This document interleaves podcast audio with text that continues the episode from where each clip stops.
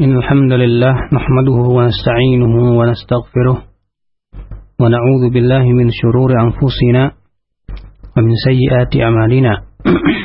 من يهده الله فلا مضل له ومن يضلل فلا هادي له وأشهد أن لا إله إلا الله وحده لا شريك له وأشهد أن محمدا عبده ورسوله.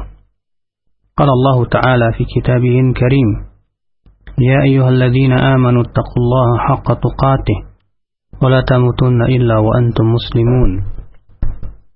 أما بعد فإن أصدق الحديث كتاب الله وخير الهدي هدي محمد صلى الله عليه وسلم. شر الأمور محدثاتها وكل محدثة بدعة وكل بدعة ضلالة وكل ضلالة في النار. أيها الإخوة para pendengar roja ya a'azzakumullah. Kita melanjutkan kajian Al-Wajiz. Dan kita masuk kepada pembahasan tentang hukuk zaujiyah itu hak-hak suami istri. Dan kita masuk kepada pembahasan hakul mar'ah ala rajul. Hak e, wanita atau hak istri yang harus dilaksanakan oleh seorang suami.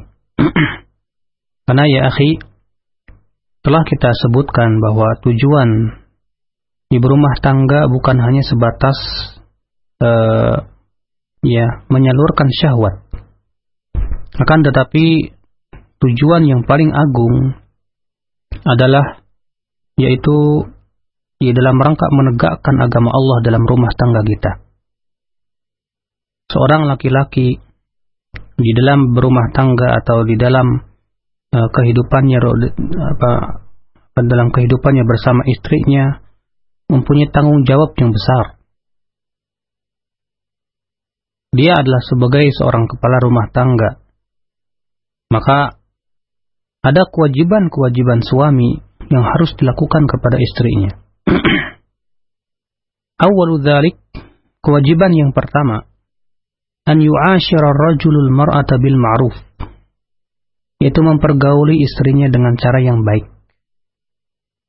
Liqaulillahi ta'ala, ini berdasarkan firman Allah Subhanahu wa taala, "Ashiruhunna bil ma'ruf." Ya pergaulilah mereka para istri itu dengan cara yang ma'ruf. Wa dzalika bi an yut'imaha idza ta'im wa yaksuwaha idza idza tasa wa yu'addibaha idza khafa nushuzaha bima amara Allah an yu'addiba bihi nisa bi an ya'idhaha mau'izatan hasanah min ghairi sabbin wala syatmin wala taqbihin. Fa in ata'at wa illa hajaraha fil firash. Fa in ata'at wa illa darabaha fi ya. Itu dengan memberikan ya nafkah. Ya pakaian. Dan memberikan pendidikan. Memberikan memberikan adab-adab yang baik apabila si suami takut apabila si istri melakukan nusyuz ya maksiat Tentu sesuai dengan apa yang diperintahkan oleh Allah Subhanahu wa taala. Ya dengan memberikan nasihat-nasihat ya dengan tanpa mencaci, dengan tanpa ya melotot, dengan tanpa ya suara tinggi, tidak pula memburuk-burukan ataupun juga membanding-bandingkan. Ya sering kali terkadang ya seorang suami ya ketika menasihati atau memberikan e, bimbingan kepada istrinya ya mungkin dengan disertai apa namanya nada yang tinggi. Atau ya suka dia dibanding-bandingkan dengan mertuanya. Atau dibandingkan banding dibanding bandingkan dengan wanita lain. Jelas ini adalah menyakiti hati daripada si istri itu. Tidak pula ya dengan mencacinya ya dengan mengucapkan kata-kata yang kasar kamu itu memang gak becus ya kamu itu ya memang blow on misalnya, dan yang lainnya. Seperti ini tidak bagus. Dia wanita punya perasaan lebih-lebih, perasaan wanita itu lebih halus dibandingkan dengan laki-laki. Maka dia berusaha untuk menasihati, ya, dengan melihat keadaan. Ya ketika si istri sedang tenang dan yang lainnya. Fa in ata'at jika dia mentaati wa illa hajaroha. Ya Alhamdulillah. Tapi kalau dia sudah diberikan nasihat, Masya Allah. Ya dengan penuh kesabaran, penuh kelembutan dan yang lain. Tapi tetap saja tidak mau taat. Maka agak sedikit dikerasi. Ya dengan cara apa? Dihajar, di, di apa? Diranjang. Ya di apa? Dipantati gitu. Ya. Tidak menghadap ke si istri sehingga ya dia merasa ya pada waktu itu si suami sedang memberikan pelajaran. Kalau sudah dihajar nggak mau juga, ya, ya boleh dipukul dengan bukan di wajah, selain di selain ya bukan selain di wajah, maksudnya selain di wajah, memukul bagian-bagian tubuh yang lain ya, selain wajah dengan tanpa pukulan yang membuat memar Ya, namun sebagai pukulan peringatan saja. ya, sebagaimana Allah Subhanahu wa taala berfirman dalam surat An-Nisa ayat 34. Wallati takhafuna nushuzahunna fa'idhuhunna wahjuruhunna fil madaji'i wadribuhun. فإن أطعنكم فلا تبغوا عليهن سبيلا إن الله كان عليا كبيرا dan para wanita yang kalian takutkan nusyuznya maka berikanlah kepada mereka nasihat. Jika tidak bisa, tidak mempan dengan nasihat yang baik, uhjuruhunna fil madaji'i. Ya isolirlah mereka di tempat tidur. Wadribuhunna, kalau ternyata tidak bermanfaat juga, pukullah dia ya dengan pukulan yang tidak membuat memar. Ya. Fa'in ata'nakum, tapi kalau mereka mentaati kalian, fala tabghu alaihinna sabila Jangan kalian berbuat dolim terhadap mereka. Inna Allah kana aliyan kabira. Sesungguhnya Allah maha tinggi lagi maha besar. Artinya, karena Allah maha tinggi, ya ketinggian Allah subhanahu wa ta'ala melebihi ketinggian makhluknya, maka seorang suami jangan merasa dirinya lebih tinggi dari istri. Dan Allah maha, maha besar, karena Allah yang maha besar, Jangan seorang suami merasa dirinya lebih besar daripada dari istri. Subhanallah, di sini Allah ya menutup ayat yang memerintahkan bagaimana tata cara mendidik istri dengan isim dengan nama Allah yang sangat sempurna dan yang sangat sepadan sekali. Yang ketika Allah menyuruh yang pertama tahapannya berikan nasihat. Kalau tidak bermanfaat juga ya dihajar Ya kalau bukan dihajar ya, dihajar, dihajar itu diisolir di tempat tidur. Ya kalau tidak bermanfaat juga dipukul dengan pukulan yang tidak membuat memar. Kemudian kata Allah, jika para istri kamu itu taat kepada kamu, fala tabu alaihin nasabila. Jangan kau cari-cari kesalahan, jangan engkau mencari ya berbuat zalim kepadanya. Kemudian Allah berfirman, Inna Allah kana aliyan kabira. Sesungguhnya Allah adalah maha tinggi lagi maha besar. Mengapa Allah menutup ayat ini dengan isim Ali yang maha tinggi dan kabir maha besar? Karena terkadang seorang suami ya akhi mempunyai perasaan dia lebih tinggi, lebih besar sehingga ya perasaannya itu membuat dia mendolimi si istri. Padahal istri adalah istri kita adalah seorang hamba Allah juga yang mukminah yang beriman kepada Allah. Ya.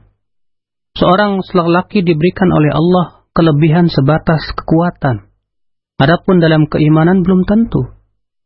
Ya barangkali istrinya lebih baik dalam keimanan. Barangkali si istri, ya, maka dari itu seorang suami tidak boleh merasa lebih besar dari istri. Tidak boleh merasa lebih tinggi dari istri. Ya, sebab perasaan-perasaan seperti ini akan sering kali membawa kepada apa? sikap yang tidak baik dalam hubungan suami istri. Akhirnya si suami tidak mau apa, mendengarkan nasihat istrinya. Demikian pula si istri, jangan merasa diri lebih tinggi dan lebih besar. Ya karena dia anak orang kaya dan yang lainnya. Fallahul musta'an. Waliqaulihi sallallahu alaihi wasallam wa qad su'ila dan juga berdasarkan sabda Nabi Shallallahu Alaihi Wasallam. Waqad su'ila di mana Rasulullah dia ditanya, "Ma haqqu zaujati ahadina alai?" Wahai Rasulullah, apakah kewajiban seorang suami terhadap istrinya, hai Rasulullah? Faqala an tut'imaha idza ta'imta wa taqsuwaha idza iktasaita wa la tadribil wajha wa tuqabbih wa la tahjur illa fil bait. Ya. Yaitu kamu berikan makan sebagaimana kamu makan. Kamu berikan pakaian dia sebagaimana kamu berpakaian. Dan jangan memukul wajah, kata Rasul. Dan jangan ya, memburuk-burukannya. Dan jangan mengisolir kecuali di rumah. Ya bukan kemudian gara-gara marah. Akhirnya nggak mau bermalam di rumah. Udahlah, tinggalan tinggalkan begitu. Jelas ini perkara yang tidak baik ya. Akhal Islam a'azzani Allah wa iyyakum. Inna min madahiri iktimalil khuluq wa numuwil iman an yakuna mar'u rafiqan raqiqan ma'a ahli. Di antara ya e, tanda kesempurnaan akhlak dan tumbuhnya iman seorang hamba ya seorang suami atau seorang lelaki dia mempunyai sifat rafiq yaitu lembut raqiqan ya terhadap istrinya. Itu yang diajarkan oleh Rasulullah Shallallahu Alaihi Wasallam. Memang terkadang, akhi, terkadang istri itu bikin jengkel, ya. Nah di sinilah, ya ketika istri membuat kita jengkel pada waktu itu, seorang suami belajar untuk menjadi seorang lelaki yang bijaksana. Seorang suami belajar untuk menahan emosi, ini banyak sekali pelajaran-pelajaran ya. Makanya subhanallah dalam kehidupan rumah tangga itu banyak pelajaran yang bisa dipetik hikmahnya. Ya. Semakin apa memahami tentang hakikat kehidupan rumah tangga, semakin dia merasa bahwa ini adalah merupakan pelajaran yang terbaik untuk kehidupannya.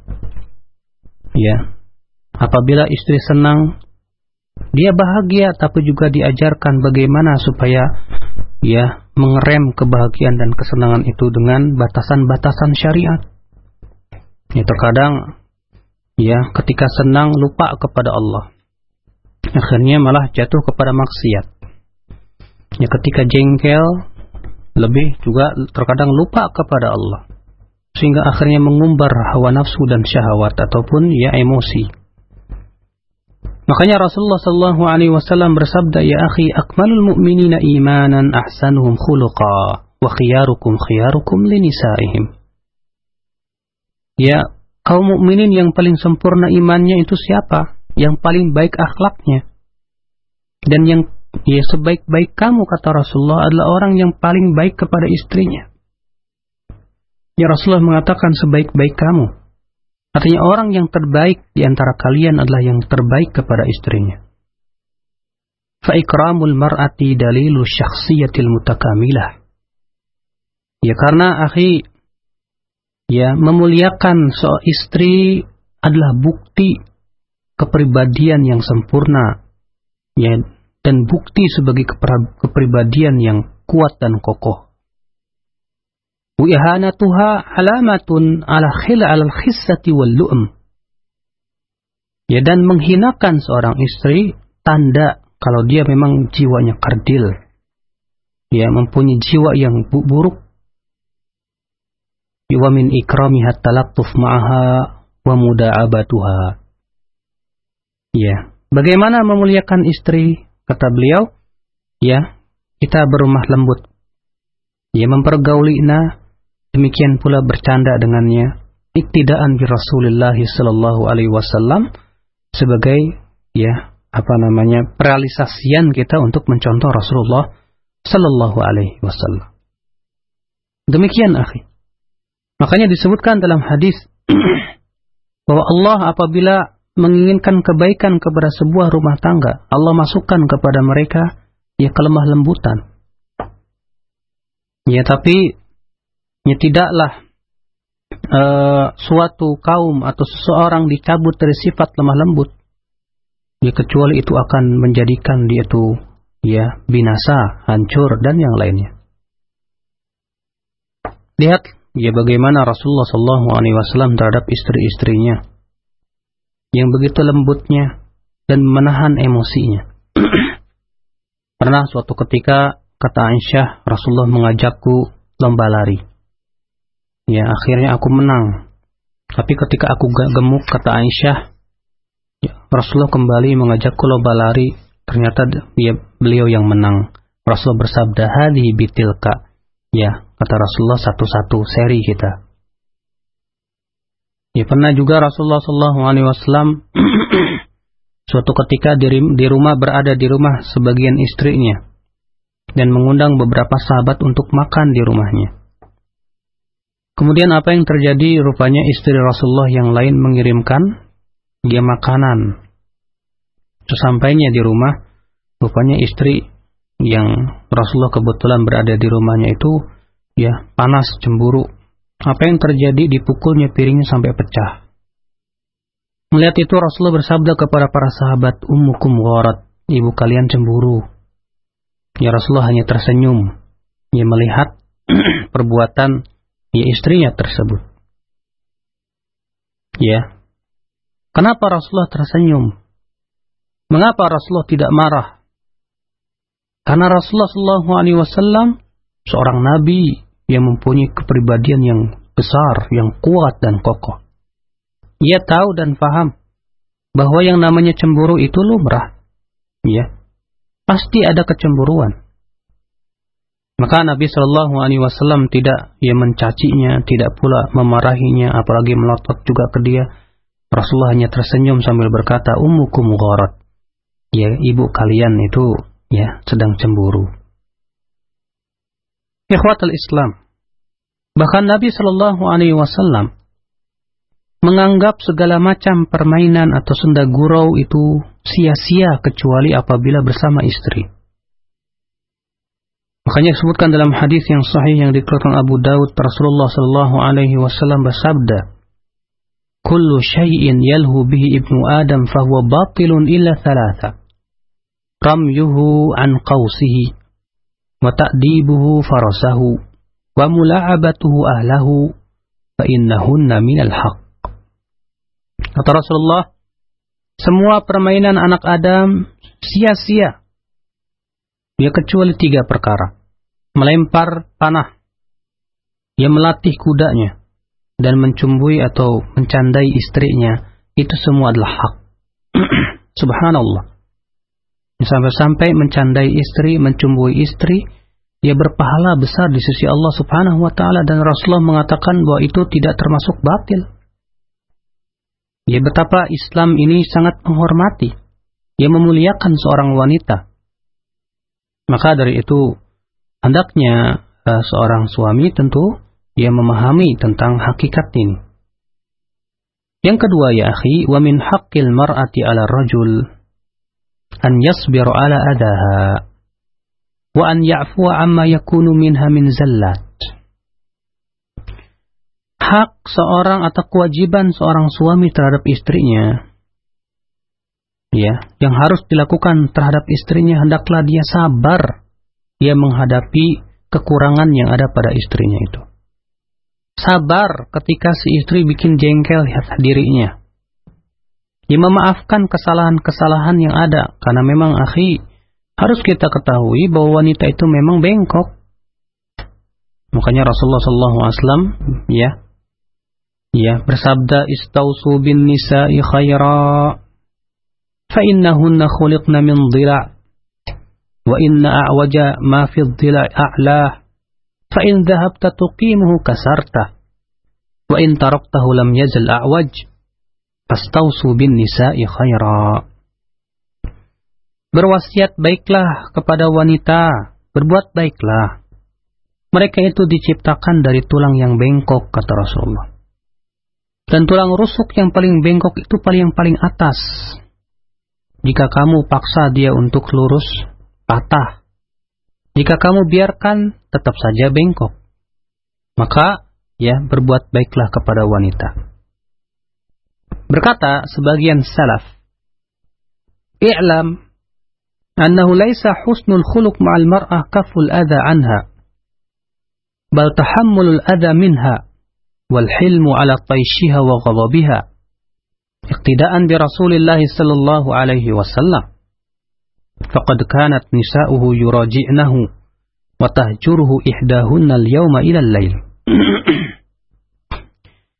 Berkata sebagian salaf, ya, sebagaimana disebutkan dalam kitab Mukhtasar min Hajil Qasidin, ketahuilah bahwa bukanlah akhlak yang baik terhadap seorang wanita sebatas mencegah ya ada apa namanya gangguan terhadap istri.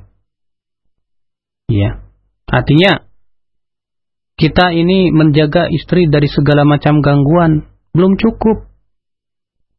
Ya, tapi ya itu tidak dianggap sebagai akhlak yang baik yang sempurna belum.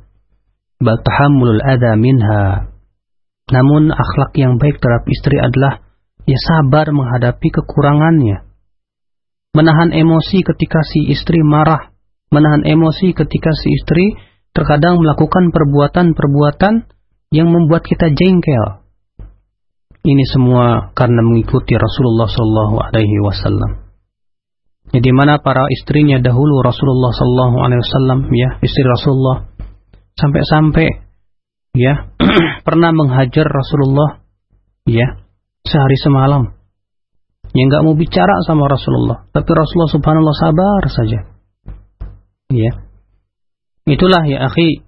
Coba kalau kita melihat bagaimana ya seorang suami yang merupakan uh, apa namanya bagaimana Rasulullah menjadi seorang suami. Luar biasa kita ini nggak ada apa-apanya. Kita ini terkadang ya para suami ini masya Allah ya merasa dirinya lebih hebat dari si istri akhirnya kita tidak bisa sabar menghadapi kekurangan menghadapi apa? Ya kejengkelan-kejengkelan. Demikian pula ketika si istri marah. Terkadang si istri apa wanita itu ya Allah kalau udah marah ya. Terkadang ya Allah alam.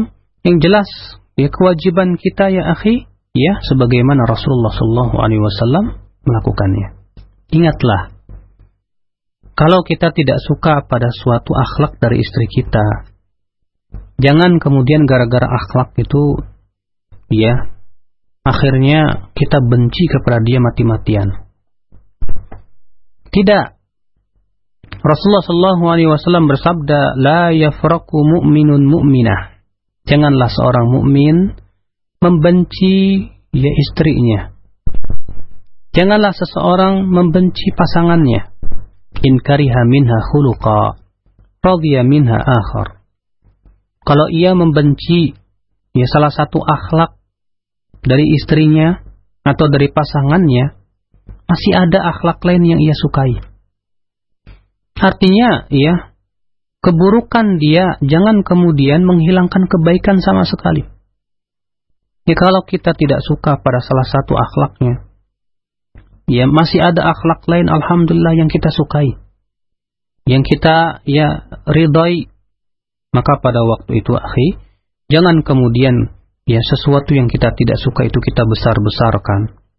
Ya kita kemudian menganggap bahwa istri kita ini tidak ada kebaikannya sama sekali. Ikhwatal Islam a'azzani Allah wa iyyakum.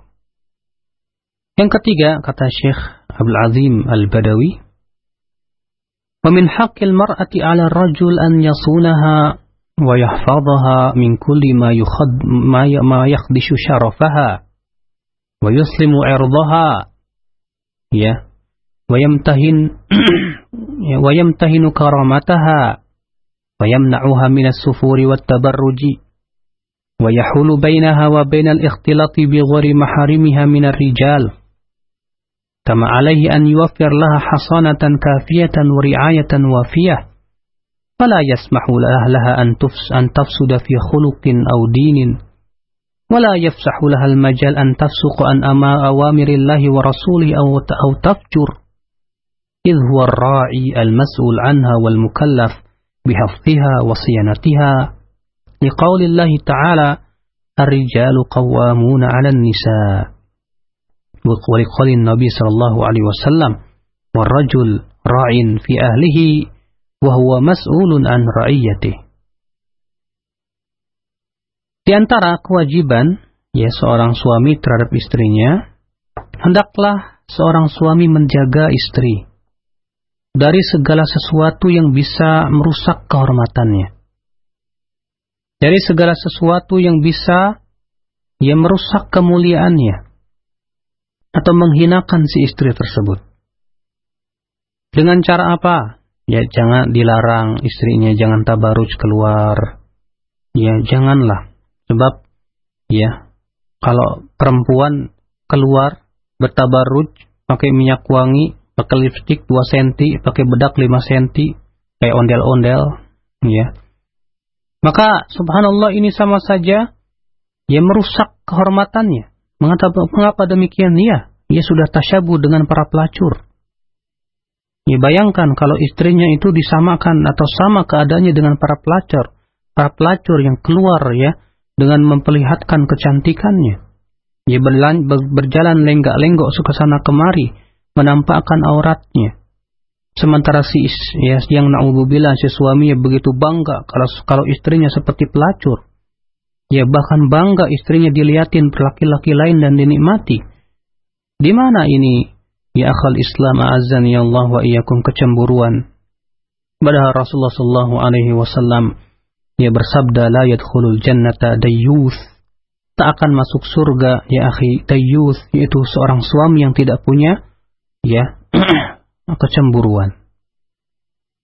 Maka seorang suami berusaha jangan sampai si istri itu ya berikhtilat campur baur dengan laki-laki yang bukan mahramnya. Dijaga dia. Ya. Diberikan penjagaan yang yang sempurna. Jangan sampai si istri ah, ya rusak akhlaknya dan agamanya di zaman ini subhanallah. Ya. Media-media yang merupakan uh, alat yang paling ampuh untuk merusak ya kaum muslimin dari dalam rumah-rumah mereka. Ya, televisi yang memperlihatkan dan mempertontonkan aurat-aurat para wanita. Bintang-bintang film yang tidak bertakwa kepada Allah ya siaran-siaran televisi yang merusak akhlak istri, merusak akhlak anak-anak kita. Ya, terkadang seorang suami barangkali ingin menghibur mereka. Namun sayang hiburan itu ya, dia tidak perhatikan akan sesuatu yang sifatnya positif atau negatif. Pokoknya senang. Diberikannya ya televisi yang hebat, yang mewah, dibiarkan si istri melihat bagaimana dia pakaian bintang film bintang film yang naudzubillah yang tidak bertakwa kepada Allah memperlihatkan kecantikan dan yang lainnya sehingga terpengaruh akalnya. Akhirnya akhlak di agamanya akhlaknya rusak agamanya pun juga rusak. ya, seperti ini subhanallah ya akal Islam seorang suami seperti ini tentu seorang suami yang tidak mengetahui Ya bagaimana menyayangi istrinya. Kasih sayang bukan dia memberikan kepada dia segala macam fasilitas-fasilitas yang membuat si istri senang saja, tidak. Tapi kasih sayang yang hakiki adalah memberikan fasilitas yang bisa membantu istrinya itu untuk bertakwa kepada Allah Subhanahu wa taala, memperbaiki akhlak dan agama. Ya memperbaiki pendidikan anak. Wala yafsahu lahal majal Jangan pula seorang suami memberikan kesempatan sekalipun ya si istri untuk bermaksiat, ya untuk melecehkan ya apa perintah Allah dan Rasulnya. Ya, itulah yang telah merupakan tanggung jawab suami. Itu merupakan sikap menjaga kehormatan seorang istri. Ingat, seorang suami ia akan dimintai pertanggungjawabannya di hadapan Allah Subhanahu wa taala. Ya, ingat bahwasanya Allah Subhanahu wa taala berfirman ar-rijalu qawwamuna 'alan nisa. Para laki-laki adalah ya qawwamuna 'alan nisa. Ya para pemimpin wanita, artinya mereka yang harus membimbing istri-istrinya. Juga ya berdasarkan sabda Nabi Shallallahu alaihi wasallam, "Warrajulu ra'in" dan seorang laki-laki itu suami itu adalah pemimpin. Ya di keluarganya. Wahwa mas'ulun an ra'iyatih. Sementara ia akan dimintai pertanggungjawaban oleh Allah ya tentang kepemimpinannya. Akan ditanya oleh Allah pada hari kiamat. Ya apa yang akan kita jawab oh, kita jawab wahai para suami? Ya ketika Allah Subhanahu wa taala bertanya kepada kita tentang pendidikan istri kita. Yang membiarkan istri kita bertabarruj. Ya berbuat maksiat kepada Allah, memperlihatkan auratnya. Apa yang akan kita jawab di hadapan Allah Subhanahu wa taala? Segera kita takut kepada Allah. Ya tentunya kita mendidik istri pun juga dengan kelemah lembutan ya.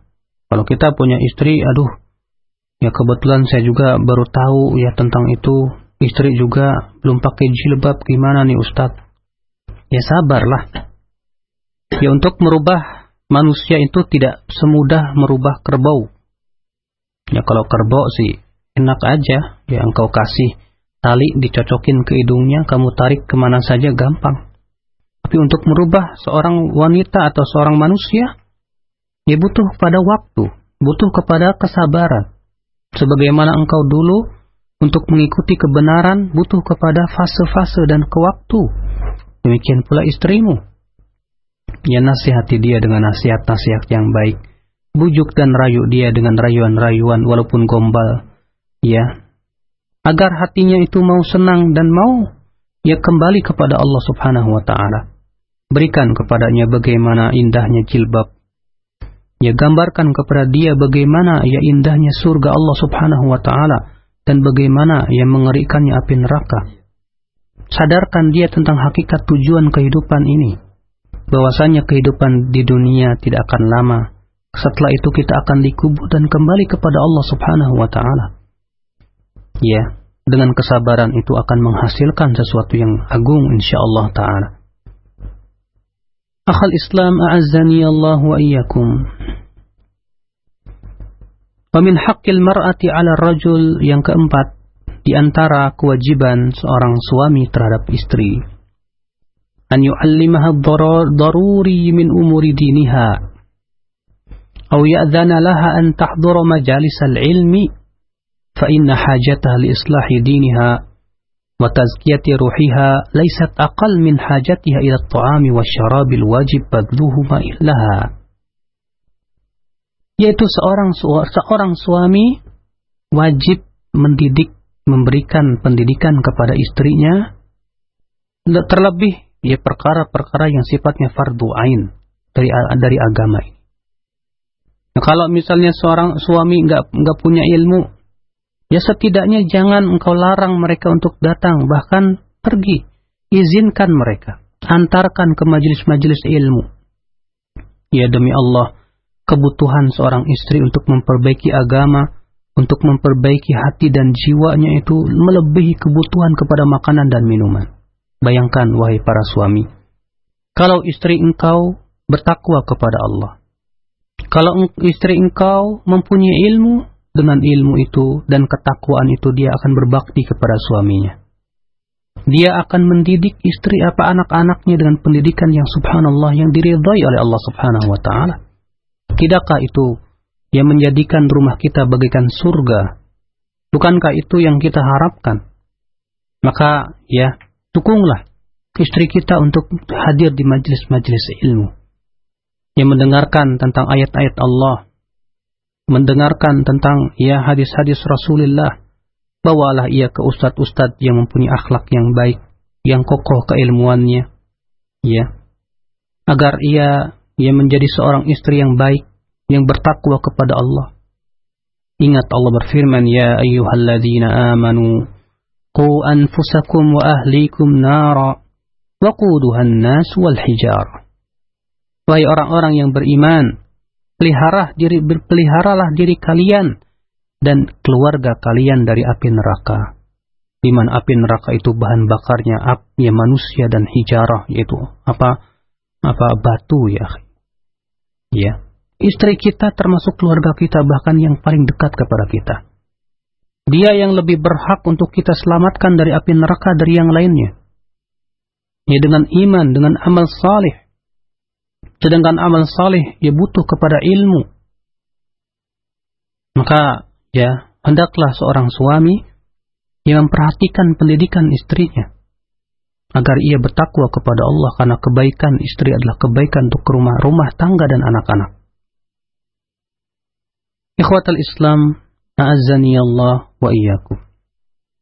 Ini saja yang bisa saya sampaikan dari hak-hak uh, seorang suami yang harus eh, seorang istri yang harus dilaksanakan oleh suaminya dan insya Allah kita lanjutkan hak-hak yang lainnya yang akan ya uh, kita bahas insya Allah pada pertemuan yang akan datang. Nah. Nah, demikian ikhwatal Islam, sebuah pembahasan dari kitabun nikah, hak-hak istri atas suami, yang disampaikan oleh Al-Ustaz Abu Yahya Badrul Salam Hafizullahu Ta'ala, yang secara langsung beliau sampaikan di kesempatan pagi hari ini.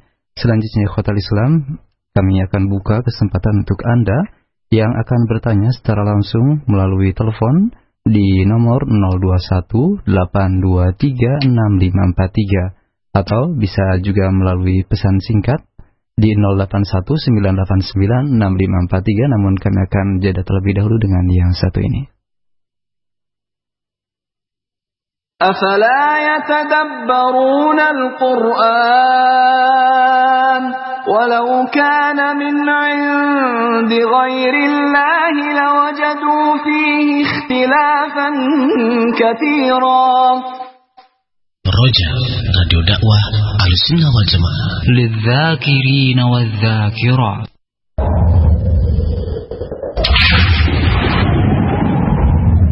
أفلا يتدبرون القرآن؟ أفلا يتدبرون القرآن ولو كان من عند غير الله لوجدوا فيه اختلافا كثيرا.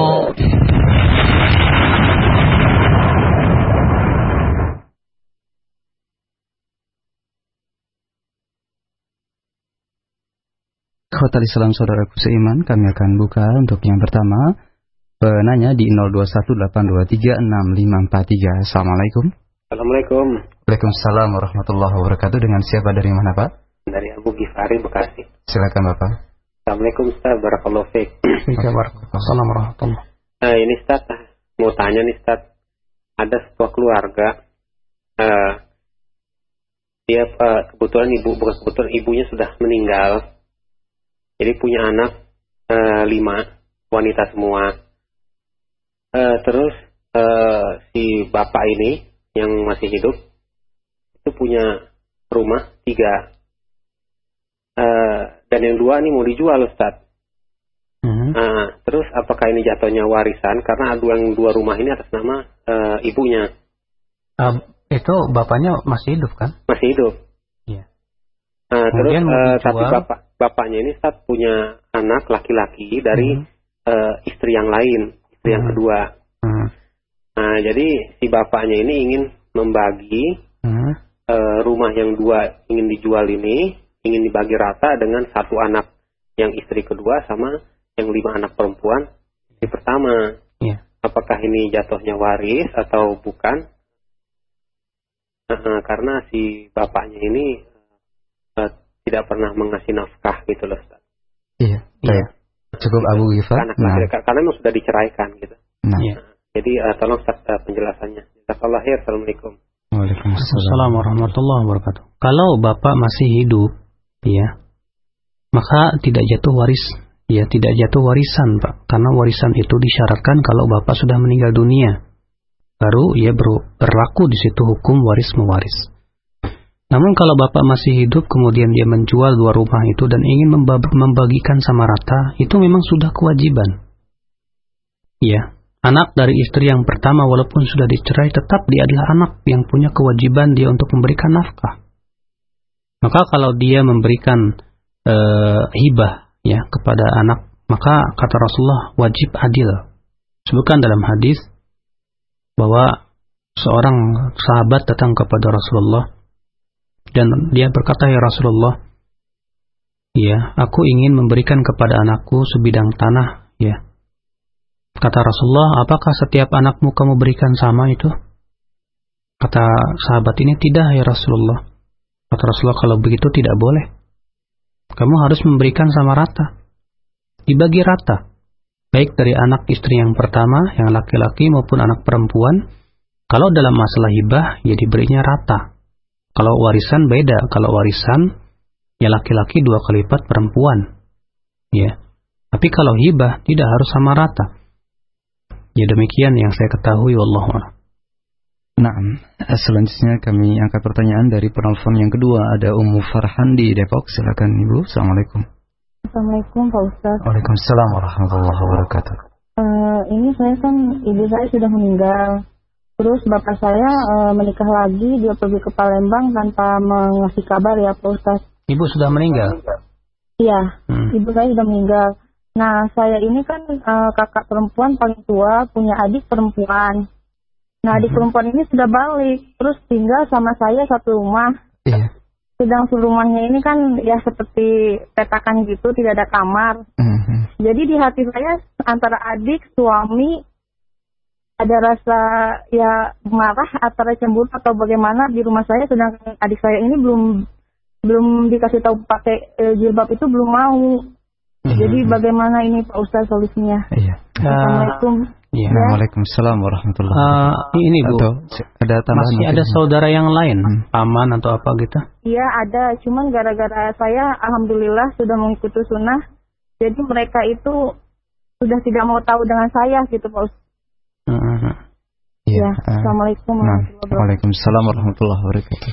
Tentu Ibu ya, apalagi Ibu sudah menceritakan tadi bahwa rumah hanya petakan seperti itu, uh, tinggalnya adik ibu di rumah ya sebetulnya mudorot. Ya. Karena Rasulullah Shallallahu alaihi wasallam bersabda, "Alhamu al-maut." Adik ipar itu ipar itu adalah kematian. Karena ya, suami ibu dengan adik ibu tuh walaupun memang dari sisi bahwa ia haram dinikahi betul tidak boleh dinikahi. Tapi ia bukan mahram dari sisi bahwa tidak boleh suami melihat auratnya. Berapa banyak ya e, terjadi perzinahan antara ipar dengan ipar dengan kakak iparnya akibat daripada ini. Maka dari itu mungkin ibu coba ya minta bantuan kepada paman atau gimana atau jadi kontrakan lagi ya satu untuk si adik itu supaya ya terpisah. Ya. Atau mungkin juga ibu bisa masukkan dia ke pesantren misalnya khusus untuk akhwat ya untuk tahfidzul Quran misalnya supaya dia juga mau menghafal Quran. Ya yang jelas hidup bersama seperti itu apalagi dengan rumah ya cuma satu petak seperti itu ini tidak baik sekali dan tidak kondusif sehingga ini akan ya dikhawatirkan menimbulkan hal-hal yang tidak diridhoi oleh Allah Subhanahu wa taala. Coba ibu cari uh, solusi. Barangkali si ya adik ibu ini segera dinikahkan misalnya ya dengan seorang lelaki atau ibu berusaha untuk ya membujuk dia supaya bisa tinggal misalnya di pesantren atau tahfidzul ya hafal Quran atau hmm. banyak alhamdulillah ada ya sehingga pada waktu itu bisa membantu ya selain kehidupannya demikian pula agama dan akhlaknya. Iya. Allah nah, Baik. Selanjutnya kami angkat pertanyaan dari Ummu Sofia di Tangerang untuk penelpon yang ketiga. Mohon untuk Anda yang mengirimkan pesan singkat mohon untuk bersabar. Kami angkat. Assalamualaikum. Waalaikumsalam warahmatullahi wabarakatuh. Nah, silakan Ibu. Uh, begini Ustaz, kakak saya uh, Qadarullah uh, apa uh, apa ada kena kanker kemudian rahimnya diangkat gitu. Kemudian uh, beliau uh, berniat untuk mengadopsi anak laki-laki eh, laki-laki kemudian ingin disusukan kepada saya. Pertanyaannya apakah uh, boleh seperti ini? Kemudian apakah uh, anak itu mahr uh, mahramnya anak itu akan sama seperti mahramnya anak saya? Itu iya. Iya. Nah Assalamualaikum. Waalaikumsalam warahmatullahi wabarakatuh. Yang pertama bahwa mengadopsi anak atau memelihara anak di dalam Islam sebetulnya ya perkara ini ya saya belum pernah mendengar adanya sahabat yang mengadopsi anak. Walaupun ada beberapa sahabat seperti ya Abu Talhah yang mengadopsi Salim dan yang lainnya. Namun maksudnya adopsi di sini itu menisbatkan dia kepada kepada kita maka seperti ini ya bahwa menisbatkan diri apa anak itu kepada kita tidak diperbolehkan dalam Islam. Ya, karena Allah Subhanahu wa taala memerintahkan untuk menisbatkan dia kepada bapak-bapaknya. ya ud'uhum liabaihim wa aqsatu indallah panggillah panggillah dengan nama bapak-bapak mereka itu lebih ya mulia lebih ya lebih adil di sisi Allah Subhanahu wa taala. Bahkan termasuk ya perangai jahiliyah seseorang itu menisbatkan diri kepada selain bapaknya. Itu termasuk dosa. E, kemudian kalau adopsi itu tidak disusui akan mengakibatkan setelah besar tetap bukan mahram iya. sehingga terjadi ikhtilat di dalam rumah tangga. Nah ini juga tidak bagus. Hmm. ya maka kalau misalnya si ya adik ibu atau kakak ibu tadi meminta tolong dong susuin anak ini supaya dia jadi ya supaya jadi mahram saya hmm. itu tidak apa-apa ya, sebab kalau misalnya ibu menyusui anak tersebut lima kali ya susuan sekenyang, ya. maka ibu menjadi ibu susunya. Hmm. Maka ya sebagaimana sabda Rasulullah Sallallahu Alaihi Wasallam, yahrumu minar rodoah ma yahrumu minan nasab. Hmm. Ya bahwa ya susuan itu mengharamkan sebagaimana halnya nasab. Ya. Berarti ya kakaknya ibu demikian pula adiknya ibu haram untuk dinikahi. Hmm. Ya, Allahu a'lam. Nah, selanjutnya kami angkat pertanyaan yang datang eh, yang begitu banyak masuk melalui pesan singkat.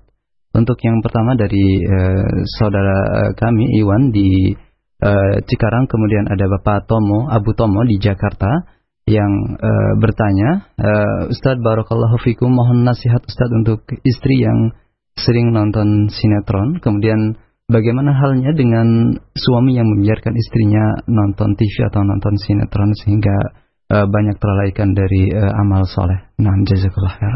Uh, tentu, akhi, ya, pendidikan yang terbaik kepada istri yang pertama kali adalah pembinaan akidah dan keyakinan dia kepada Allah Subhanahu wa taala. Ya, karena dakwah para nabi dan para rasul yang pertama kali mereka fokuskan adalah tentang pengenalan Allah. Dikuatkan dia kecintaannya kepada Allah, ya rasa takutnya kepada Allah, tawakalnya kepada Allah, ya beriman kepada hari akhirat, surga dan neraka, sehingga apabila kita telah memperkenalkan kepada istri ya tentang Allah, tentang ya bagaimana indahnya Islam, ya bagaimana keimanan kepada Allah dan hari akhirat sehingga si istri menjadi semakin takut kepada Allah, itu insya Allah akan semakin mempermudah kita untuk ya memberikan pendidikan yang baik terhadap istri. Beda kalau si istri tidak ditempa keimanannya. Ya, kemudian kita langsung suruh dia tinggalkan TV, akan berat sekali. Makanya kata Aisyah di antara ayat-ayat yang pertama kali turun adalah tentang surga dan neraka. Ya, rata-rata ayat-ayat Makkiyah berbicara tentang surga dan neraka, iman kepada Allah, iman kepada hari akhirat. Ya, kalaulah kata Aisyah yang pertama kali turun itu langsung jangan mencuri, tentu kami tak akan meninggalkan mencuri. Kenapa? Karena belum tertempa keimanan dia. Maka ya, yang harus dikokohkan kepada istri adalah kenalkan dulu tentang Allah. Ya. Biasakan dia untuk kita ajak ke ke, ke, ke majlis-majlis ta'lim misalnya. Sehingga kalau dia sudah mencintai Allah Subhanahu wa taala dan sudah mulai tumbuh ya keimanan di hatinya, pada waktu itu insya Allah ketika kita jelaskan tentang apa sih apa sih manfaatnya nonton sinetron, apalah ya uh, ilmu yang bisa kita petik dari situ. Kemudian kita sadarkan bahwa itu tidak ada manfaatnya, lebih baik kita tinggalkan bahkan di situ banyak perkara yang maksiat. Nah keimanan dia kepada Allah, kecintaan dia kepada Allah itu yang insya Allah akan memberikan kekuatan dan nutrisi di hatinya sehingga ia betul-betul kuat untuk meninggalkan hal-hal yang tidak diridhai oleh Allah Subhanahu wa taala. Allahu. Nah, masih dari pesan singkat kami angkat pertanyaan dari Ummu Afif di Cikarang dan juga uh, pertanyaan yang lainnya yang sama. Ustaz barakallahu fikum. Uh, suami saya dulu sebelum menikah adalah uh, uh, seorang aktivis ataupun uh, uh, beliau rajin di dalam mengikuti kajian atau majelis ta'lim. Akan tetapi setelah menikah uh, berubah dan e, tidak lagi e, menjalankan sunnah, kemudian tidak pula untuk semangat di dalam e, duduk di kajian-kajian. Mohon nasihat yang terbaik agar e, beliau ini kembali untuk bisa duduk di majelis ilmu syar'i dan menjalankan sunnah tanpa uh, adanya uh, perasaan ketersinggungan uh, di hati beliau demikian. Iya, memang terkadang ya keikhlasan itu berpengaruh ya terhadap keistiqomahan seorang hamba. Terkadang seseorang laki-laki ya begitu semangatnya ya dia ngisi di majlis-majlis taklim apa apa nama ngikuti kajian dan yang lain namun ternyata Allah Maha tahu bahwa hatinya itu mengharapkan seorang akhwat yang ingin dia nikahi. Ya, sehingga ketika dia sudah merang, merang, meraihnya dan sudah menikah dengan akhwat yang dia sudah diraih itu akhirnya apa? Ah sudah saya sudah dapat kok. Ya futur, tidak bisa istiqomah. Bisa jadi karena ketidakikhlasan. Tapi bagaimana caranya si istri? Kok tadinya semangat, sekarang kok enggak? Emang kita butuh harus melihat apa namanya sebab-sebab kenapa sih si suami itu ya kok jadi futur begitu. Kita harus pelajari kenapa sebabnya. Ya. Yang kedua, seorang istri berusaha juga untuk memberikan contoh yang sulit toladan kepada suami kalau keadaannya seperti itu. Tetaplah tampakkan semangat untuk ta'lim, tetaplah tampakkan ya semangat untuk ya menuntut ilmu disertai ya akhlakul karimah terhadap sang suami. Sehingga apabila si suami itu sudah ridho kepada dirinya, mudahlah kita untuk memberikan ya masukan. Mungkin dengan cara dirayu, ya kata-kata yang baik, yang menyentuh hatinya. Ya suamiku, masya Allah, ya saya ya sangat bangga ya kepada engkau sebagai seorang suami, masya Allah yang telah memberikan kepada saya banyak sekali ini. Ya, kemudian tarik sedikit demi sedikit bahwa tentang ya kalau kita menuntut ilmu Allah Subhanahu wa taala ya betapa bagusnya dan indahnya karena itu akan semakin menambah keilmuan. Ya, saya yakin dengan cara yang baik, dengan cara lemah lembut, ya dirayu oleh sang suami sang, sang istri, itu akan memberikan lagi kekuatan. Ajak juga Mas, ya kita itu yuk, ya kunjung sama Pak Ustadz sana gitu yang ustadz yang mungkin suaminya sudah kenal pada ustadz itu yang dahulu dia suka ngaji. Ya, barangkali dengan bertemu dengan ustadz itu kemudian si suami kembali mengingat ya apa masa-masa dulu ketika dia mengaji. Ya sehingga si ustadz pun juga diberikan masukan oleh istrinya agar memberikan motivasi kepada suaminya tersebut. Ya, sehingga kembali insya Allah jasa sang suami kembali semangat untuk menuntut ilmu Allah Subhanahu wa taala. Demikian pula ya apa namanya diusahakan teman-teman suaminya juga ya bisa mendekati kembali dia ya kemudian mengajaknya untuk apa ya menuntut ilmu Allah Subhanahu wa taala. Wallahu. Nah, satu pertanyaan kembali dari pesan singkat sebelum kami angkat dari penelpon dari Pak Ahmad Sabri di Serang. Ustadz berdosakah kalau seorang laki-laki yang menikahi seorang wanita yang belum habis masa iddahnya? Jelas berdosa ya. Karena ya Allah Subhanahu wa taala melarang seorang laki-laki menikahi wanita yang berada dalam iddah dan bukan hanya berdosa, bahkan pernikahannya tidak sah. Ya, karena pernikahannya itu ya larangan tersebut kembali kepada zat ya daripada perbuatan itu. Sedangkan kaidah usul fikih berkata apabila larangan berhubungan dengan zat maka pada waktu itu perbuatannya tidak tidak sah. Jadi setiap pernikahan dalam keadaan si istri masih masa iddah dan belum selesai maka tidak sah. Wajib diulang lagi. Jika tidak akan terus dia dianggap zina dia. Nauzubillah. Nah, selanjutnya kami akan kembali dari penelpon di 0218236543 dan ada uh, saudara Hamid di uh, Cilengsi silakan. Halo. Assalamualaikum. Assalamualaikum. Nah, Waalaikumsalam warahmatullahi wabarakatuh. Silakan Pak. Uh, begini Pak, uh, tentang wanita ini. Saya suka menyaksikan di TV yang baru-baru ini adalah masalah rebonding.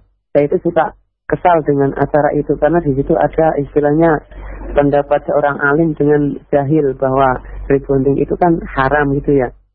Cuman yang menjadi masalah saya, kenapa pendapat jahil itu selalu ditayangkan sehingga saya takut suka nanti akan merusak kaum-kaum ahwat yang imannya belum kuat atau agamanya belum matang. Nah, bagaimana apa?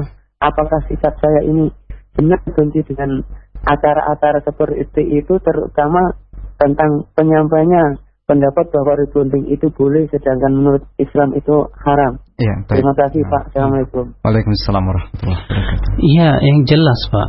Acara-acara seperti itu yang mempertontonkan aurat, Bapak wajib benci. Dan Bapak harus antipati dengan cara apa? Matiin tuh televisi jual. Ya. Kalau Bapak ya masih nonton juga terus akhirnya Bapak kesal sendiri yang salah siapa? Bapak sendiri yang salah kan? Karena Bapak yang melihat dan nonton televisi. Ya lebih baik kalau Bapak televisi itu ya tidak perlu disetel lah. Apalah manfaatnya kita? Sudah Bapak sudah tahu di televisi itu banyak hal-hal yang mungkar. Hampir tidak ada kebaikannya sama sekali. Adanya orang-orang yang berbicara masalah agama di televisi pun juga bukan orang-orang yang memang ya kualitasnya dia untuk berbicara. Ya kebanyakan mereka berkata atas Allah dengan tanpa ilmu. Ya karena televisi selalu berusaha untuk mencari ustadz-ustadz yang sesuai terkadang dengan selera dan hawa nafsu mereka. Ya maka dari itu kewajiban kita Pak, ya sibukkan dengan menuntut ilmu. Jangan kita sibukkan dengan menonton televisi seperti itu. Tidak ada manfaatnya Allah. Kalau kita sudah tahu ilmunya, dengan sendirinya kita bisa mengkanter. Dengan sendirinya kita bisa mengambil sikap. Ya kita tahu mana yang baik dan mana yang tidak, mana yang hak, mana yang batil, mana yang halal, mana yang haram. Kenapa? Karena kita sudah mempunyai keilmuan yang kuat dan mempunyai patokan-patokan yang yang bisa kita jadikan sebagai sandaran. Ya terlebih ya rebonding atau rebonding itu meluruskan ini ya, meluruskan rambut ya. Saya nggak tahu apa sih rebonding itu maksudnya. Ya, ya mungkin kalau misalnya maksudnya rebonding itu meluruskan rambut sebatas meluruskan rambut saja. Hmm. Ya. Dan kemudian itu untuk si suami mempercantik diri di depan sang suami dan itu dengan keriduan sang suami. Hmm. Saya kira itu tidak tidak mengapa. Yang jadi masalah adalah ya kalau untuk untuk tabarruj sehingga dia memperlihatkan auratnya di depan manusia. Hmm. Ya kecantikannya dan yang lainnya. Maka fatwa yang mengatakan haram itu jelas, yaitu benar sekali. Maka dari itu Bapak ya yang lebih baiknya kita sibukkan dengan menuntut ilmu. Jangan kemudian kita sibukkan dengan ya menonton televisi sesuatu hal yang sebetulnya tidak ada manfaatnya buat kehidupan kita. Akhirnya kita juga yang kesel ya, kesal sendiri, ngambek sendiri ya. Tapi kalau kita matikan tuh televisi, ya kita sibukkan dengan menuntut ilmu ilmu ilmu ilmu ayat-ayat Allah Subhanahu wa taala, hati kita akan ya menjadi bahagia, akan menjadi senang ya. Makanya terkadang banyak sekali pemuda-pemuda asyik dengan mengikuti apa namanya perkembangan zaman tanpa diisi dengan pengetahuan ilmu yang cukup. Yang dikhawatirkan seperti adalah ya mengomentari segala sesuatu yang sifatnya muncul ya kemudian dengan perasaan dia dia pun dia menganggap ini baik atau buruk. Ini adalah suatu perkara yang tidak baik. Ya maka bukankah saya sekali lagi lebih baik kita menyibukkan dengan ilmu itu lebih baik daripada kita kemudian mengikuti perkembangan zaman dan itu sama sekali tidak akan ditanya oleh Allah, tidak pula akan ditanya oleh malaikat mungkar dan nakir dalam kuburan kita. Yang ditanya oleh malaikat dan mungkar dan nakir adalah siapa Rabbmu, siapa nabimu, apa agamamu. Tak akan ditanya kenapa kamu nggak ngelihat di acara ini, acara itu. Ya itu semua tidak akan ditanya oleh malaikat mungkar dan nakir. Nah, Baik, selanjutnya dari penelpon kembali ada Bapak Ade di Purwakarta. Assalamualaikum Pak. Waalaikumsalam Pak Ustadz. Silakan. Eh, eh, saya mau tanya eh, apa namanya? Saya kan sama istri suka ngaji subuh ya, setelah sholat subuh ngaji sama-sama. Tapi belakangan ini istri eh, berhenti mengaji karena kondisi di dalam pengajian itu antara laki-laki dan perempuan itu tidak pakai hijab. Jadi eh, istri saya berhenti mengaji, jadi hanya men- eh, di rumah dan di tempat lain gitu. Bagaimana tindakan saya sebagai suami eh, pada istri tersebut itu? Terima kasih Pak Ustaz. Nah, Iya. Barangkali istri bapak ingin menyelamatkan diri dari fitnah. Fitnah di sini maksudnya yaitu ya ketika ya antara ustadz dengan mad'u yang gak ada hijab itu akan terjadi saling pandang. Si ustadz juga memandang yang bukan mahramnya. Jelas ini tidak baik. Ya. Sementara Allah Subhanahu wa taala berfirman wa qul lil mu'minina yaghuddu min absarihim wa yahfadhu furujahum. Dan katakanlah kepada kaum mukminin hendaklah mereka menundukkan pandangan mereka. Barangkali Bapak, istri Bapak alhamdulillah, Pak, ya, mempunyai ilmu dan bertambah semakin bertambah keilmuannya. Dia mendengar firman Allah Subhanahu wa taala ya mengenai ya masalah hijab Wa idza sa'altumuhunna mata'an fas'aluhunna min wara'i hijab. Kalau kamu minta kepada ya para wanita itu istri-istri Nabi yaitu suatu apa mata ya apa apa sesuatu maka mintalah dari belakang hijab. Ya kalau meminta saja kita disuruh di belakang hijab lebih-lebih taklim yang itu akan terjadi hadap-hadapan isi ustadz memandang ya apa matunya maka Barangkali ya istri bapak karena sudah tahu tentang ilmunya, akhirnya dia mau cari pengajian lain aja. Maka dari itu bapak juga jangan langsung kemudian menganggap wah kok istri saya berubah. Ya jangan dulu barangkali bapak ya pelan-pelan tanya kenapa sih kok kamu tiba-tiba berubah apa alasannya. Barangkali si istri akan memberikan alasannya begini. Dan ternyata kebenaran ada pada si istri. Maka pada waktu itu seorang suami dia untuk tunduk kepada kebenaran Ya, jangan kemudian merasa dirinya, ah, saya seorang suami, kamu harus ikut saya. Jangan. Kalau ternyata si istri di atas kebenaran dan punya hujah yang kuat, ya, maka pada waktu itu dukung dia. Allah Nah, selanjutnya masih dari penelpon kami angkat dari saudara Anton di Tanjung Priok. Assalamualaikum. Assalamualaikum Ustaz. Waalaikumsalam warahmatullahi wabarakatuh. Mohon maaf, uh, mau tadi agak sedikit ketinggalan tentang hak istri yang harus dipenuhi oleh suami. Uh, itu yang ada empat yang pertama adalah sabar, yang kedua adalah bijaksana, yang keempat itu mendidik, yang ketiganya apa ya Ustaz? Mohon dijelaskan sedikit itu saja. Diulang kembali. Terima kasih. Assalamualaikum warahmatullahi wabarakatuh. Waalaikumsalam wabarakatuh. Terima kasih untuk Pak Anton. Nah. Uh, yang keempatnya yaitu memberikan pendidikan, Pak. Ya, mendidik si istri dengan pendidikan yang baik, diajarkan tentang ilmu agama, dikenalkan kepada Allah, jadi kenalkan tentang hak-hak yang harus kita lakukan terhadap Allah berupa tauhid dan menjauhkan kesyirikan.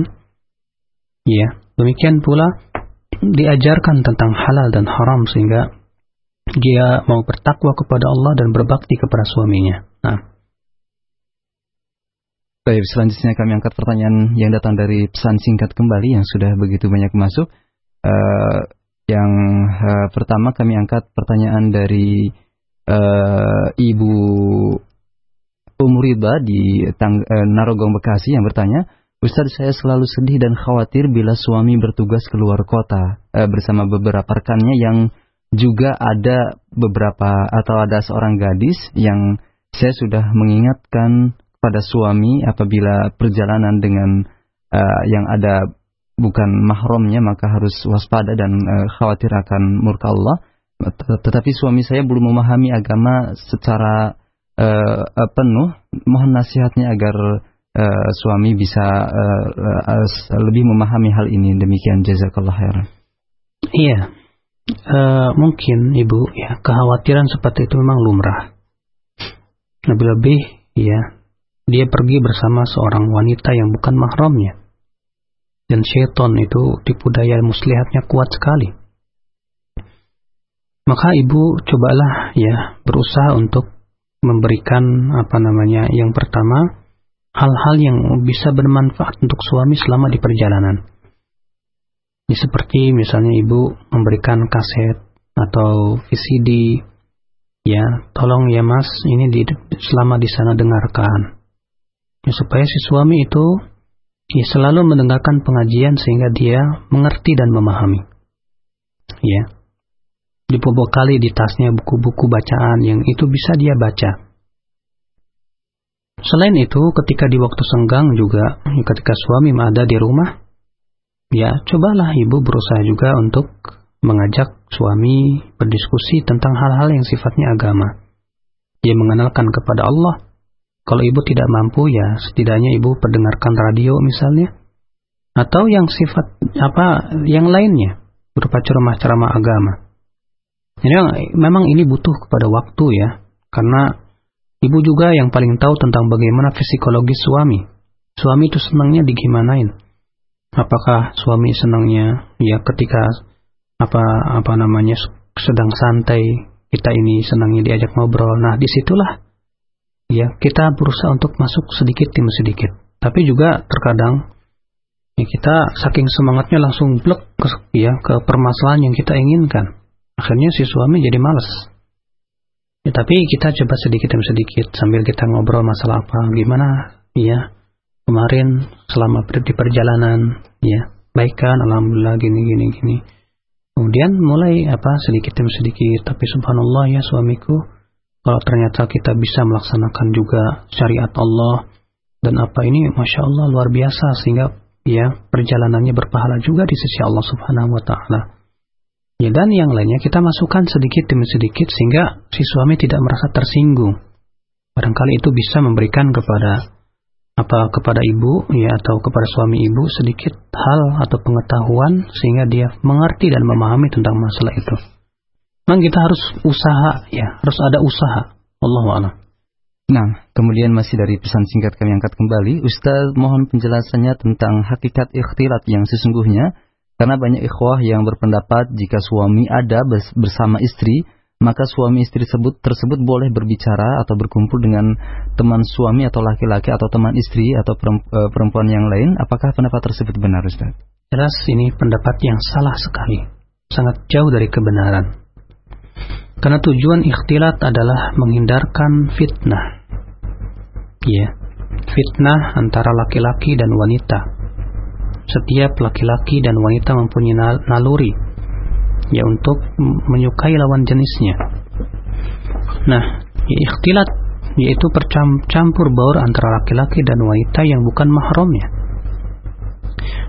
Di mana ya tujuan daripada dilarangnya ikhtilat adalah karena ikhtilat itu adalah mendekatkan kepada zina. Maka jangan engkau pahami bahwa kalau suami dan istri sudah ada, berarti dia boleh istrinya berbicara dengan laki-laki dan suaminya bicara. Ini jelas yang mendekatkan kepada zina. Sehingga akhirnya apa yang terjadi? Ya, akan saling terjadi pandang memandang dan yang lainnya. Apa yang ada apa masuk di dalam hatinya fitnah, terfitnah dia loh si istri dengan laki-laki lain yang ternyata lebih ganteng dari suaminya.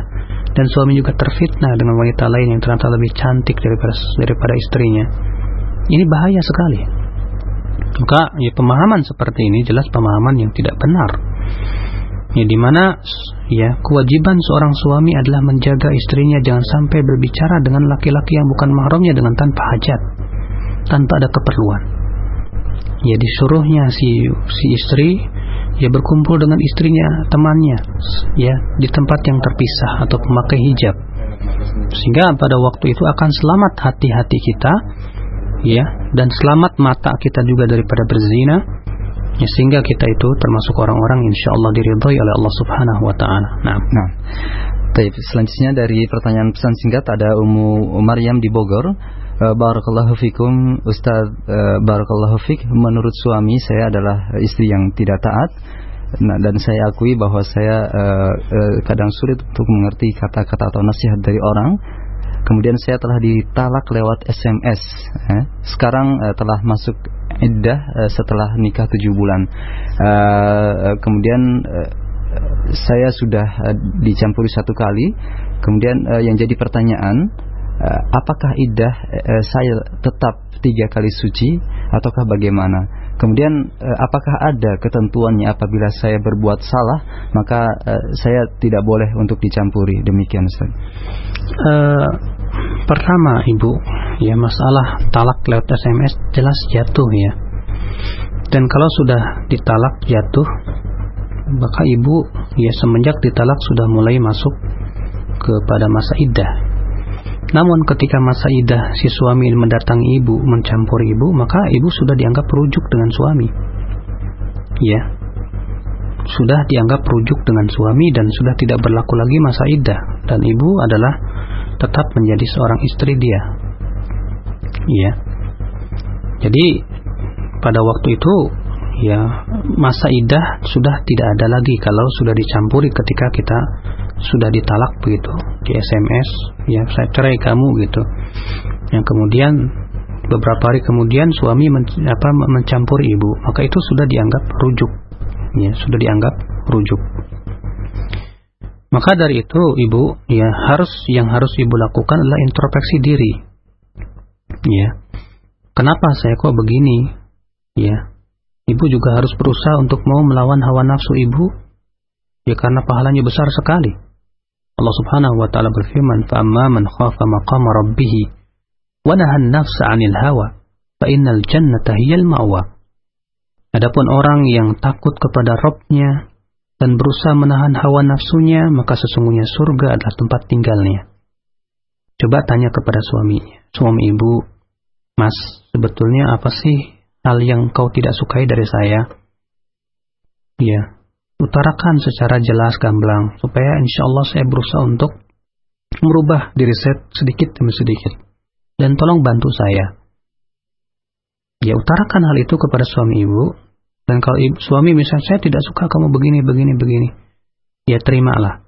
Jangan kemudian ya dengan seperti itu ibu menjadi sombong atau ya merasa tinggi atau yang lainnya.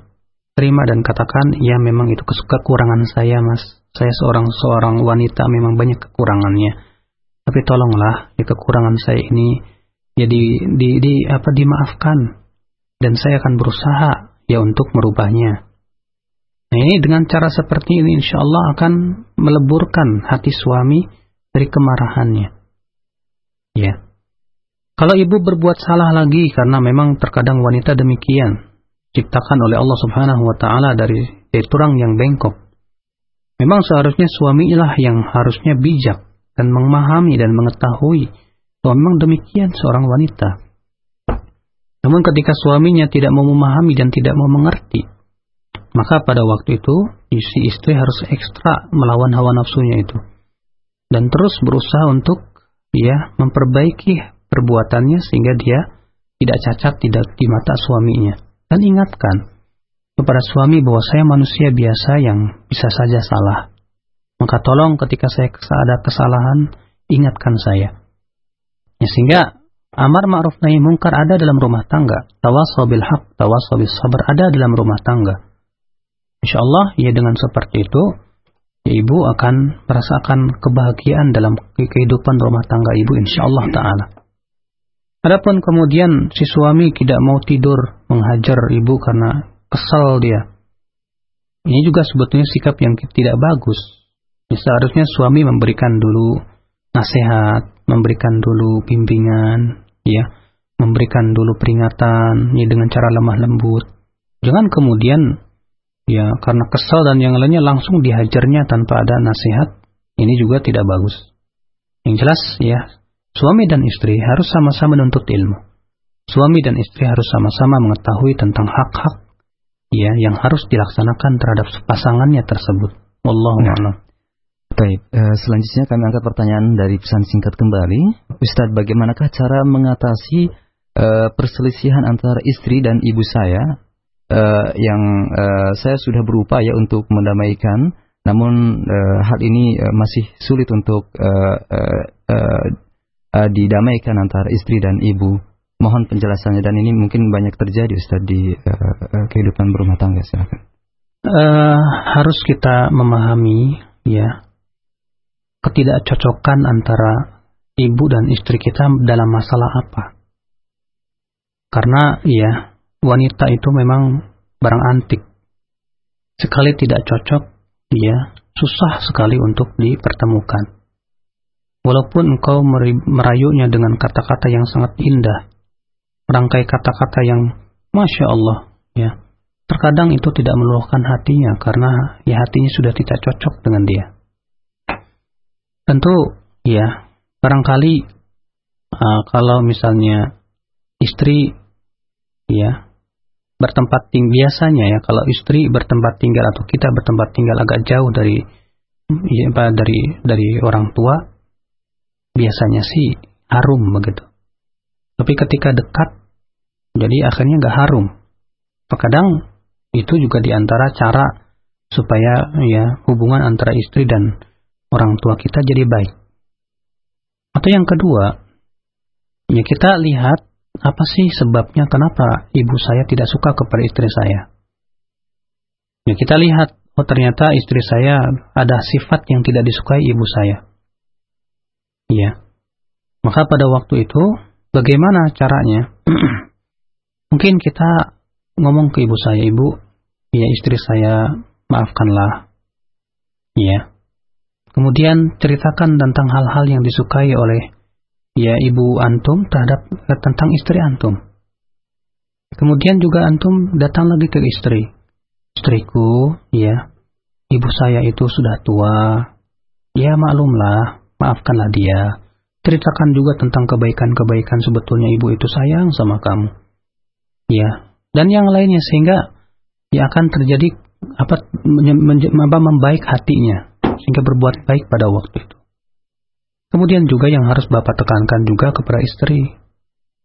Ya bahwa mintalah kepada istri tolonglah bantu saya untuk untuk berbakti kepada apa apa kepada orang tua saya. Ya. Nah, ini mungkin penting sekali ya untuk supaya menghindarkan atau menghilangkan kesenjangan yang ada di hati-hati mereka. Memang itulah ya apa namanya wanita. Wanita itu kalau sudah tidak suka sama orang sudah. Ya. Nah, di sini sifat-sifat yang kurang ini harus kita sedikit demi sedikit obati ya dengan cara ya disebutkan kebaikan-kebaikan yang orang yang tidak disukai tersebut dan kita sebutkan bahwa dia sebetulnya mencintai engkau. Dan kita juga ajarkan kepada dia tentang bagaimana ya, sikap yang benar sesuai dengan Islam. Dan selain itu dia diajarkan tentang pendidikan-pendidikan agama yang yang benar pula ya sehingga itu yang membuat uh, eh, kekuat apa memberikan kekuatan kepada istri untuk senantiasa berbuat baik. Allah Nah, satu pertanyaan terakhir Ustaz untuk kesempatan pagi hari ini, bagaimanakah hukumnya foto pre-wedding atau uh, foto yang ada di dalam undangan sebelum uh, resepsi atau walimah atau sebelum akad uh, di, kemudian dipasangkan begitu dan difoto kemudian dipajang di uh, uh, undangan. Bagaimanakah hukumnya hal ini? Ini adalah perkara yang tidak sesuai dengan syariat. Ya, karena ya akal Islam azan ya Allah wa iyyakum. Foto-foto seperti itu jelas memperlihatkan aurat, memperpan ya memampangkan kepada kita sesuatu yang tidak boleh dilihat oleh orang lain. Lebih-lebih ya si calon laki-laki dan wanita itu disandingkan. Padahal bukan mereka bukan mahram. Bukan mereka itu bukan suami istri. Ya bukan suami istri. Maka demikian pula ya e, foto-foto itu kalau masuk ke rumah menyebabkan mereka rahmat tidak masuk ke rumah. Karena Rasulullah SAW bersabda innal malaikah la tadkhulu baitan fihi surah wala kalb. Sesungguhnya malaikat rahmat itu tidak mau masuk ke rumah yang ada padanya gambar-gambar yang bernyawa, tidak pula ada anjing. Ya, apakah kita ridho kalau rumah kita ya ada foto-foto seperti itu akhirnya menyebabkan malaikat rahmat ya tidak mau masuk rumah kita? Apakah kita ridho juga ya kalau ya calon kita ataupun anak kita diperlihatkan auratnya dilihat oleh orang-orang? Di mana kecemburuan? Apabila rumah tangga sudah dimulai dengan cara bermaksiat kepada Allah, bagaimana akan ya rumah tangga tersebut diberkahi oleh Allah. Maka ya kewajiban orang tua ataupun siapa saja dari familinya yang mengetahui bahwa itu adalah perbuatan yang mungkar, ya berusaha untuk sampaikan bahwa itu tidak benar, bahwa itu tidak sesuai dengan syariat. Allahu a'lam, saya kira cukup subhanakallah wa bihamdik. Asyhadu an la ilaha illa anta astaghfiruka wa atubu ilaika. Wassalamualaikum warahmatullahi wabarakatuh.